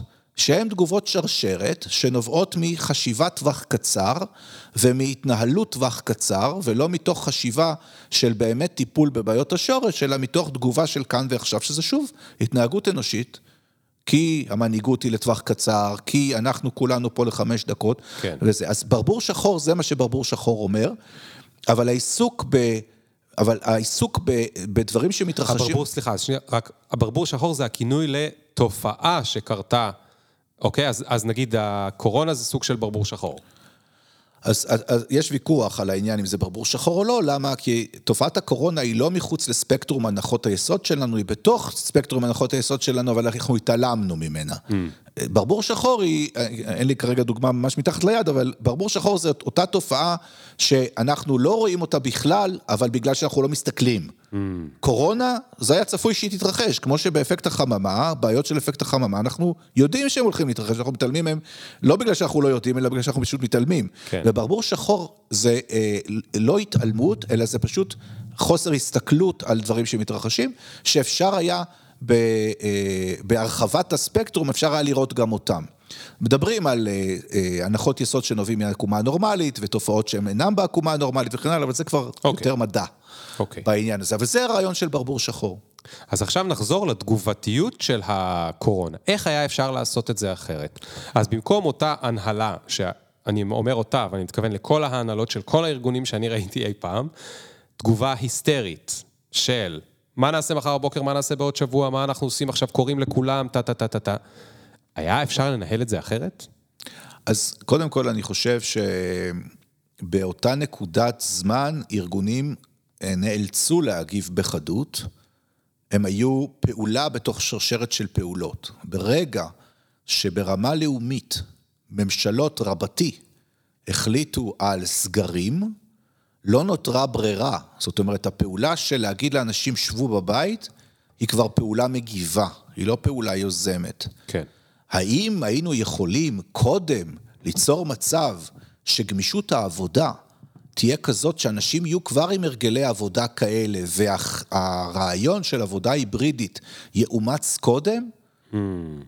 אולי כן, אבל הטבע האנושי לא מאפשר לנו את זה. זאת אומרת, אנחנו עדיין, איך אומרים? אם צובטים אותנו, אנחנו מצטוותים, אנחנו בני אדם, אנחנו זקוקים למגע, אנחנו צריכים ללכת ולעשות שופינג. אפשר גם על זה לדבר הרבה, על האם השופינג הפך להיות דיגיטלי, האם הוא הפך להיות היברידי, איך הקמעונאות מתנהגת, מאוד מאוד מעניין להסתכל במקומות שונים בעולם על התופעות האלה, וחלק ממה שהיה לנו לפני שלוש וארבע שנים וחשבנו שילך בכיוון מסוים, לא בהכרח מתנהג כמו שחשבנו. אז, אז התופעות האלה אה, של התנהגות צרכנית היא גם כן מאוד מעניינות, אבל אם אנחנו מסתכלים היום, אחת התופעות שאנחנו רואים זה לאו דווקא אימוץ ההיברידיות כדרך חיים, אלא הפוך, ניסיונות לחזרה למה שהיה קודם, כי הצורך במפגש, בחיבור, חוסר היכולת בלנהל ולשלוט כשאתה לא רואה את האנשים באופן שוטף, והכלים הניהולים שעדיין לא מפותחים מספיק, כן. גורמים לארגונים לשכוח מה היה רק לפני שנתיים, ולהחזיר חזרה יותר. זה נכון שזה לא 100 אחוז, אבל זה מתרחש. אה, כן. סאבטקסט, התפטרות גדולה, החזרה הגדולה וכל החרטות האלה, זה פשוט גלי ההדף והאדוות שנשארו על פני הקרקע, ובסופו של דבר, כן, זזנו פאזה, אבל אנחנו לא זזנו את כל הדרך. כן. לא הפכנו להיות וירטואליים. אנחנו לא התעלינו והפכנו להיות רוחות. אנחנו בני אדם, על הקרקע, המפגש נדרש. כן, התפתחנו בעובדה שאנחנו מבינים שיש מודלי עבודה אחרים שאפשר לאמץ, יש יותר גמישות, הגמישות יש בה גם ערכים מוספים, איך אתה מנהל את זה ולמי מתאימה, משתנה מאירוע לאירוע. כן, אז איך בכל זאת, אני מבין את ה... את ה אני מבין שיש את תופעת הברבור השחור, אבל מה אני אמור, להכין אה, סצנריו לכל דבר שלא יקרה? מן הסתם, אם תכין סצנריו לכל דבר שלא יקרה, אז אתה תעבוד בהכנת סצנריואים, אבל בוא כן. נניח שגם אם היית עושה את זה, יקרה הסצנריו שלא הכנת. נכון, כי הסצנריו שאני חושב שהם יקרו, הם בתוך, לא. בתוך הגאוס שאני מדמיין, נכון. ובדיוק מה שאתה מסביר, זה לא יהיה שם. נכון, אז התשובה להכין סצנריו לכל אירוע, זה דרך החשיבה של אתמול. הדרך החשיבה של היום זה שאין סצנריואים. אני צריך לפתח גמישויות ויכולות שמאפשרות לי לבחון מה קורה בסביבה העסקית שלי, להגיב ולשנות. כן. והשינוי, דיברנו על זה קודם, השינוי זה הדבר הקבוע היחידי שיש לנו בחיים. אנחנו מאוד לא בנויים לזה, אנחנו מאוד קשה לנו עם זה, אבל גם מאוד אין לנו ברירה. כן. ודיבר על, ה, על התופעות האלה, אה, יש פילוסוף אה, עתידן, יש אסכולה של עתידנים בעולם. ואחד הגדולים שבהם, הוא נפטר כבר לפני כמה שנים, זה אדם ששמו היה אלווין טופלר. אלווין טופלר כתב ארבעה ספרים, הראשון שבהם היה הלם העתיד. ספר מכונן, נכון, ספר מכונן שחזה לא את העשור הבא, את העשורים הבאים וההשלכות של השינויים הטכנולוגיים על התרבות, על הערכים ועל האדם. כן. וגם אם אתה קורא את זה היום, זה נכון, זה נכתב בשפה של אז, אבל מכונן. לא, זה מטורף. הוא כן. אומר שלבן אדם יהיה מחשב אישי, קטן, נכון. שהוא דרכו יזמין את הכביסה, אני לא זוכר בדיוק מה, אבל הוא דרכו יזמין את הכביסה, הוא ישלם את החשבונות, הוא יעשה את נכון. הדברים, הוא דיבר על כל האי-קומרס ועל המובייל ועל הכל. פשוט זה היה נשמע לא הגיוני. בדיעבד, אתה אומר, ברור, אבל לידו היו עוד הרבה כותבי מדע בדיוני ועתידנים נכון, שלא ידעו את זה. אז הוא כתב ארבעה ספרים, שכל ספר הוא עבודת מחקר של עשר שנים, וחזה כל פעם עשור קדימה, לפחות. אה, כן. אחד הספרים, הספר האחרון שהוא הוציא אה, נקרא מלחמה ואנטי מלחמה, ומדבר על כל התופעות שאנחנו רואים בסביבה שלנו, הלאומית, גם כן מכונן. מדהים. עכשיו, אה, אני רוצה רגע לקחת אותך לצד האישי של כל הדברים האלה. כי אתה עובד הרבה מאוד עם מנכ"לים, סמנכ"לים, הרי בסוף זה בן אדם שאתה הולך, אה, ל, ל, אתה ו, ושליחיך הרבים, אה, לשבת איתו ולדבר איתם על איך אה, עושים, איך עושים את הדברים האלה. יש פה בכל הסיפור, זאת אומרת, הרבה מהבעיות הרבה לפני זה שהארגון שלי הוא בצורה קשיחה, והתהליכים בו הם קשיחים, ואני אולי לא רגיל לעבוד עם אה, אחד הדברים שאתה מדבר עליהם בספר, והם גם, אני, מי, אני הכי משתחווה לזה, זה העבודה עם יותר פרילנסרים ופחות עובדי קבע, כדי להיות יותר גמיש בגודל, בגדול וקטן, כמה הארגון הוא, הוא, הוא גמיש. אבל בסוף, הרבה מהבעיות מתחילות בזה שהאנשים עצמם, הבכירים למעלה, הם בעצמם קשיחים. יש גם עניין של אגו, יש עניין של אני אמרתי ולכן יעשו ככה, להודות שטעיתי, זאת אומרת, למה, למה עשינו את האסטרטגיה ההיא? כי אני הבנתי, כי אני מנוסה וחכם, שזה האסטרטגיה שצריך. עכשיו, להפוך אותה, זה להודות שאני טעיתי. ולכן אני לפעמים לא אהפוך אותה, הארגון חצי ימות בזמן כהונתי, לפני שאני יודע שאני טעיתי. ואנחנו רואים את זה, זה. איך בכלל, אם יש לך דרך ל- ל- למוסס את, ה- את הדברים האלה, האנושיים? אז לפני שאני אתייחס לשאלה, אני רוצה להוסיף אה, תופעה יותר קשה שאנחנו חווים היום, והיא התופעה של, וואלה, איזה רעיון יפה, הבנתי, ואני רץ ליישם. לא תכננתי, לא חשבתי, לא הבנתי משמעויות, אבל אני כבר עושה בשטח, היא התופעה היותר קשה, וזה דרך אגב, לקחת את הלוגיקה או את הרעיון של ה-sense of urgency מתפיסת עבודה, ממודל, מדרך חשיבה, ללחץ, ולהגיב מהר, ולרוץ ולעשות את כל הטעויות האפשריות בדרך, ואז להגיד, וואו, חשבתי שזה טוב, אבל זה לא עבד. אתה אומר זה שזזים מהר, זה לא נותן לכם הנחה שאסור, שאתם לא צריכים לעצור ולחשוב. זה לא, זה, התזוזה המהירה, אם היא איננה מנוהלת, איננה מוסדרת ואיננה אה, אה, עם מתודולוגיית עבודה, אנחנו כבני אדם לא יודעים לעבוד ככה. כן. התגובה המהירה לאירועים שמתפתחים, זה פשוט לתרגם את הלחץ שלי לעשות, לפעולות לא, לא כן. בהכרח שמביאות לתוצאה. שזה באמת, שוב, כולנו חווינו בקורונה, לא משנה באיזה מקום נכון, אתם בארגון, למעלה נכון. או למטה או באמצע, אתם יודעים על מה מדובר. sense of urgency זה תפיסת עבודה, זה מודל חשיבה, זה לא אה, אה, הפגנת לחץ והיסטריה. כן. אוקיי? לחץ והיסטריה במצבי אי-ודאות הם התופעה הגרועה ביותר שאנחנו יודעים להפגין במין האנושי. דווקא במצבים של חוסר ודאות אנחנו זקוקים לסנטר, לרוגע, לפעולה נכונה, וכן, בספר באמת אני מדבר הרבה על מה שנקרא אסטרטגיית היום שאחרי. איך אני מתנהל על מנת לנהל משבר, ואיך אני מתנהל על מנת לצאת ממנו ולהתקדם קדימה. כן. אז מתעסקים, זה, זה כשלעצמו אירוע, אה, אבל אם אני אחזור למה שאתה אומר, אז אין לנו תשובה ופתרון לכל דבר. אנשים שהם נוקשים, הם נוקשים. אנשים שמונעים מאגו, מונעים מאגו. אה, קטונתי, מלשנות את המין האנושי, בכלל אין לי שום כוונה או מחשבה לעשות את זה. אה, אנחנו עובדים עם אנשים מהנקודה שהם נמצאים ועם המוכנות שלהם לקחת. יש לי לקוחות שהם מסבירים לנו בדיוק מה אנחנו צריכים לעשות אה, בנקודה שאנחנו נכנסים לעבודה, ויש לי לקוחות שמנסים להתערב בתוך תהליך החשיבה ולהכתיב את התפוקה ואת התוצאה. עם זה אנחנו מתמודדים, בכל מיני כלים של, אה, של ניהול תהליך. אבל לשנות את האדם, אנשים מסוגלים להתפתח בעשרה אחוז מהמקום, אנשים מבוגרים, בטח בוגרים, אבל גם צעירים יותר, יכולת ההתפתחות היא מה, אחוזים בודדים של שינוי. אנחנו יותר מאמינים שמי אה, שמנהל ארגון, או מי שמוביל בתוך ארגון, הוא בעל הסמכות והמנדט וה, אה, אה, לקחת קו פעולה מסוים, מסוים מתוך, מסוים מתוך הארגון, זה הפרורוגטיבה שלו.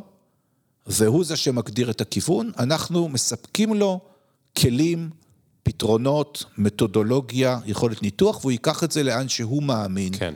זה אנחנו לא, אף אחד לא נתן לנו את, ה, את המנדט על הבינה, ולא אנחנו רואים את התמונה הכוללת, זה שלהם. כן. ואנחנו אוסף של כלי עבודה בידי, בידי המנהל. ירצה, ישתמש, לא ירצה, לא ישתמש.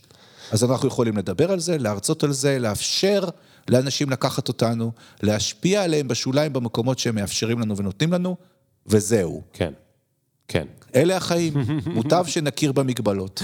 תגיד, מה זה האפקט הפולארי? אוי, זה מעניין מאוד, כי זה אחת החוויות שאנחנו רואים אותה הרבה. האפקט הפולארי אומר אחת ההדמיות המשמעותיות שאנחנו אה, חושבים בהן היא הדמיה של אה, מערבולת. אנחנו מדברים על מערבולת ההפרעה. על, ה, על האפקט של משהו שיש לו כוח צנטריפוגלי, תחשוב על טורנדו לצורך העניין, כוח צנטריפוגלי חזק, מה קורה? הדברים עפים לצדדים. אוקיי? והם נפרדים אחד מהשני. אז את האפקט הפולארי אנחנו רואים בהרבה מאוד מקומות. אחד המקומות החזקים, שאפשר לתת דוגמה בהם, זה העובדה שכשאתה מסתכל על ארגונים היום, אתה רואה פתאום שלארגון יש יותר מדי אנשים שהוא לא צריך, ופחות מדי אנשים שהוא צריך. Mm. ויש את זה בבת אחת. עכשיו, הוא לא יודע להיפרד מאלה שהוא כבר לא צריך אותם, למה? כי יד שמאל שלו עדיין מסובבת איזשהו כפתור, ושיטת הגוף פשוט לא עושה שום דבר. אבל אם תחתוך את היד, היא לא תתפקד, נכון? אז מה אני אעשה? תופעה, דרך אגב, שמתרחשת הרבה בגלל הטרנספורמציה הדיגיטלית, אנחנו מוציאים כל מיני תהליכים החוץ, רק שכחנו לוותר על המערכים הפנימיים. אז כל האנשים שעשו קטעים מתוך הדבר הזה קודם, עושים רק את מה שנותר. חוסר יעילות והתנפחות ארגונית, כי אנחנו לא יודעים לעשות טרנספורמציה כמו שצריך. Mm. טרנספורמציה, הטרנספורמציה הארגונית שנולדת כתוצאה מהטרנספורמציה הדיגיטלית, מתרחשת בשיעור נמוך מאוד באופן יחסי בארגונים, הבנתי. וכתוצאה מזה ארגונים מתנפחים. נשארים חלקי אנשים. זאת אומרת, נשארים גם האלה של הדור נכון, הקודם, וגם האלה של נכון. הדור החדש, גם אלה שהצליחו להשתנות, וגם אלה נכון. שלא הצליחו להשתנות ולהסתגל. לא בגלל שהם יכולים להשתנות או לא, אלא בגלל שהם עסקו בתחומים שכבר לא כן. נדרשים. כן. ואז מה שקורה, זה שכשאתה מסתכל על החוסר יעילות הארגונית, אתה רואה אותו הולך וגדל. Mm. זה יכול להיות או בגלל שימוש בטכנולוגיות מתיישנות ואנשים שלא רלוונטיים, או בעובדה שאנשים עשו פעולות ידניות ולא עושים אותם יותר, כן. או כל מיני תהליכים שאתה יכול לראות אותם, למשל מוקדים טלפונים, כן או לא, אה, שירות בסניפים, כן או לא, אה, מיישבת תביעות בחברת ביטוח. זה בסך הכל אלגוריתם, כן או לא. אז כל מיני דברים כאלה שאתה רואה אותם, שפתאום החברות מתלבטות בערך, מה אני עושה עם כל מה שהיה שם קודם? בצד השני, חברות רצות באמוק פראי על לפתח פתרונות טכנולוגיים, להעביר תהליכים לטכנולוגיה, אבל תסתכל מה זה עושה, זה כמו העדר הזה שרץ לצוק ונופל בקצה. שיש את התופעה, התופעה הזאת של העדרים שזה, כן. אז זה בערך אותו דבר, רצים באמוק פראי אחרי הטכנולוגיה, אבל מה זה אומר? זה אומר שאני רץ לפתח מחסור מטורף. כי מאיפה אני אביא את כל היכולת והידע הזה? אז עכשיו אני מפתח תהליכים, ומיד אני צריך לרוץ לפתח תהליכים שונים, ואז נוצר מחסור מטורף ביכולות האלה. Mm. והטכנולוגיה מתפתחת, וכל הזמן יש לי מחסור ב next step שלי. אז אני הופך, ארגונים שלמים, אני הופך אותם לטכנולוגיה. הם מפסיקים להיות ארגון מלשון אורגן, מלשון בני אדם, והופכים להיות סייבורג. הם הופכים להיות חצי אנשים, חצי טכנולוגיה, ואולי יותר טכנולוגיה מאנשים. ואז, איך אני מנהל את זה? האפקט הפולארי מדבר על הקיצוניות הזאת, אבל האפקט הפולארי קיים גם בעולמות אחרים. הוא קיים בסביבה העסקית, במקורות של חומרי גלם, ביכולת לוגיסטיקה עולמית, בכמעט כל דבר בחיים שלנו, פתאום אנחנו מרגישים שיש מחסור גדול בדברים מסוימים, ועודף באחרים, ולא בדיוק יודעים איך להתנהל מול העניין הזה. זה הרעיון של האפקט הפולארי. אוקיי, okay, אבל איך הוא משרת אותנו? האפקט, הזה, הבנתי את האפקט הוא הזה. הוא עושה לנו חיים קשים, הוא לא משרת אותנו, הוא בעיה, הוא אתגר. אוקיי, אוקיי. ומה אני יכול לעשות כדי להימנע ממנו? או שאתה אומר לי, בוא תשים לב. אני אומר בוא נשים לב, אני, אני לא חושב שאפשר להימנע, כי זה אחד מהדברים החזקים שנוצרים בעולם היום מאוסף כל האירועים שאנחנו חווים.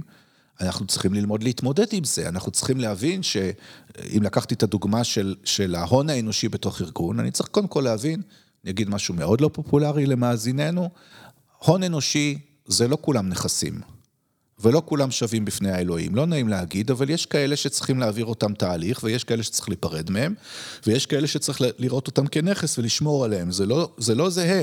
Mm-hmm. זה כולם... זה, אבל שנייה, מה זה לא פופולרי? זה טוב מאוד שאתה צריך להגיד את הדברים האלה, כי מי שהיום, כמו כל מה שאמרת על הארגונים, כמעט הכל נכון גם על האינדיבידואל, נכון. בימים אלה. בן אדם שהוא, הייתה לו אסטרטגיה, בגיל 24 הוא הלך ללמוד משהו, והוא אמר, האסטרטגיה שלי זה עד הפנסיה, לעשות את אותו דבר עם אותם דברים שלמדתי באוניברסיטה, הוא לא מתאים לעולם הזה. ומי שלא תופס את עצמו ואומר, העולם משתנה, אני צריך את האסטרטגיה דינמית, אמרת, אני צריך אולי לשתף משאבים, אני אולי צריך לסגל יכולות, אני צריך להבין מתחרים, צריך להבין איפה הערך שלי, והוא לא תופס את עצמו בידיים, הוא בסכנה ממשית. נכון. מה, ש, מה שיפה מאוד, סליחה, עוד, עוד דבר אחד לפני שאתה ממשיך. יש את uh, הדוח עתיד עולם העבודה של פורום הכלכלה העולמי, שאני מאוד מאוד אוהב אותו. ומה שיפה שם זה שהם לא שואלים את העתידנים ואת היועצים ואנשים כמוך וכמוני שכאילו זה, הם שואלים ישר לבשר. המנכ"לים והסמנכ"לי משאבי אנוש. מה אתם תעשו כשיהיו לכם, הם אומרים, האם האנשים שלכם בעוד חמש שנים יהיה להם את היכולות ואת הסקילס שהם צריכים? אז הם אומרים 50% משהו לא. ברור. מה תלכו לעשות איתם? אז אם זה היה כנס משאבי אנוש, מה הייתה, מישהי הייתה עומדת על הבמה, או אני הייתי עומד על הבמה, והייתי אומר לכולם, לכו תלמדו. אבל לא שאלו אותי, שאלו את המנכ"לים. מה המנכ"לים אומרים? מספר אחת בתשובות, נפטר אותם ונביא אנשים שיש להם את הסקילס. מספר שתיים, נביא עוד טכנולוגיות, עוד בוטים ורובוטים וכל מה שצריך ואלגוריתמים כדי שיחסו עליהם. ורק במספר שלוש, נלך לפתח אותם. עכשיו, זה נחמד שלפחות זה לא במספר 20, אבל זה רק מספר 3. זאת אומרת, על האינדיבידואל יש היום גם את האחריות האישית לגמרי. לפתח את עצמו. לגמרי. אחרת הוא יישאר מאחורה. לגמרי, ואני חושב שבעולם המערבי זה הולך עוד הרבה הרבה יותר חזק לבסיסי הקיום. סתם לצורך הדוגמה, אה, חיסכון לטווח ארוך. האם אני חוסך כדי להבטיח את העתיד? ככל שעובר הזמן, בן אדם מתיישן ביכולותיו. גם הדינמי ביותר שיש, כשהעולם רץ בקצבים האלה, ההתיישנות של היכולות, ולא משנה מי אני, אה, הוא מתרחש בכל מקום. אז אם יש לי מזל, אני יושב בעד של משהו ואני מחזיק יותר זמן, ואם אין לי מזל, מזל ואני עובד בקו ייצור בשדרות באיזשהו מפעל, אז אני צריך לקוות שלא יסגרו דווקא את המפעל שלי, ושאף אחד לא ידאג לי. אז השאלה אם אנחנו בתרבות שלנו, אנשים שחושבים לטווח ארוך, והאם אנחנו חוסכים. שתיים, זה מה בכלל הידע שלנו להגן על עצמנו, ואנחנו הולכים פה לדברים שהם כבר יותר לאומיים, של האם המדינה... מטפלת בהסבות מקצועיות, בהכשרות של אנשים, יש כל מיני תוכניות, אבל במקום שלנו שבו המדיניות משתנה כל שני וחמישי, וכל אחד והפופוליסטיקה סביב המדיניות, היא יותר מבטיחים לנו ומספרים לנו סיפורים מאשר באמת עושים, אז נשאלת השאלה, איך אנחנו כקבוצה, אה, מדינה, חברה, וואטאבר, באמת דואגים לעצמנו, ואני חושב שהתשובה היא מעט מדי, מאוחר מדי. אה, וזה נכון להכל, אני חושב שכשאתה מסתכל על מנכ"ל, שהייעוד שלו בתפקידו זה לדאוג לארגון שהוא מנהל, לקיום הארגון כקבוצה, ובכל נקודת זמן, וזה לא משנה כמה שהוא ערכי וכמה שהוא אה, סוציאלי בתפיסות העולם שלו, וכל המנכ"לים מדברים על זה שהם סוציאליים, אבל כמה הם באמת זה כבר סיפור אחר, אבל בסופו של דבר הם צריכים להביא תוצאות לבעלי המניות שלהם. כן. אז הם מוכנים במידה מסוימת להשקיע בפיתוח ההון האנושי, כדי להיות בצד הנכון אה, מבחינת אה, התדמית שלהם. לא בהכרח בגלל שהם באמת מאמינים שהם רוצים להשקיע את כל הכסף הזה, הרבה יותר קל לפטר ולשכור אנשים. איפה זה לא ככה? כשאין מספיק אנשים שאתה יכול לשכור אותם כן, לעבודה, ואז אתה נאלץ, זה הסטיקינס של דברים. אתה נאלץ לפעול מול העניין, ואז מתי אתה מגיע לזה? אתה מגיע לזה כשאתה נתקל במחסור. כך כשאתה כבר במחסור ותנסה לפתח מישהו לענות על מחסור, והנה הבעיה, למה אנחנו מגיבים לדברים ולא יוזמים אותם, וכן, אבל זה, זה המין האנושי. כן. רם, אה, אנחנו צריכים לסיים. היה לי מאוד מאוד מאוד מאוד כיף אה, ומעניין. אני חושב שדיברנו, כי זה גם המקום הטבעי שלך, שאתה רוב הזמן עוסק בו על ארגונים גדולים, אבל אה, ניסיתי כל הזמן לבזול גם ליחיד וגם לבעל עסק קטן ולעצמאי, כי אני חושב שהדברים היום הם הרבה יותר אה, קשורים כנראה ממה שהיה פעם, אה, ודווקא הארגונים הגדולים, כמו שאתה אמרת, לפעמים קצת מקנאים בקטנים שיכולים לזוז ולהתעדכן, אבל גם לקטנים זה לא בא בטבעיות. כולנו מקובעים, ו- וקשה לנו להודות שהאסטרטגיה שלנו צריכה להשתנות, וזה, אז תודה רבה על הידע, נעמת מאוד. תודה רבה. בגלל שאני יודע שתעריך את זה, אז אני אומר, נעמת לי מאוד, כי אה, דיברנו קודם על, ה, על הגילאים שלנו. אה, חבר'ה, תודה רבה, כרגיל, היה כיף, אה, ניפגש בפרק הבא. אני מזכיר לכם, אם אתם בספוטיפיי או באפל, אתם מוזמנים אפילו להיכנס ולעשות איזשהו כוכבים או ריוויו, אני לא זוכר מה יש שם בדיוק, אבל מדי פעם, פעם באיזה 20 פרקים אני זוכר להגיד את זה, ואז תמיד יש שינוי לטובה. אז היום זכרתי, וזהו, עד אז. לכו, תלמדו משהו, תתפתחו, תהיו דינמיים, והכי חשוב, תהיו טובים. יאללה, ביי. Did you get my mentions? Question, do you even fuck with a nigga like me? Will you want me in about three days? Really? IDC, cause every time a nigga talk, they can't see the big up picture. Fuck your filter, me can't go run, but me can't repeat. Nah.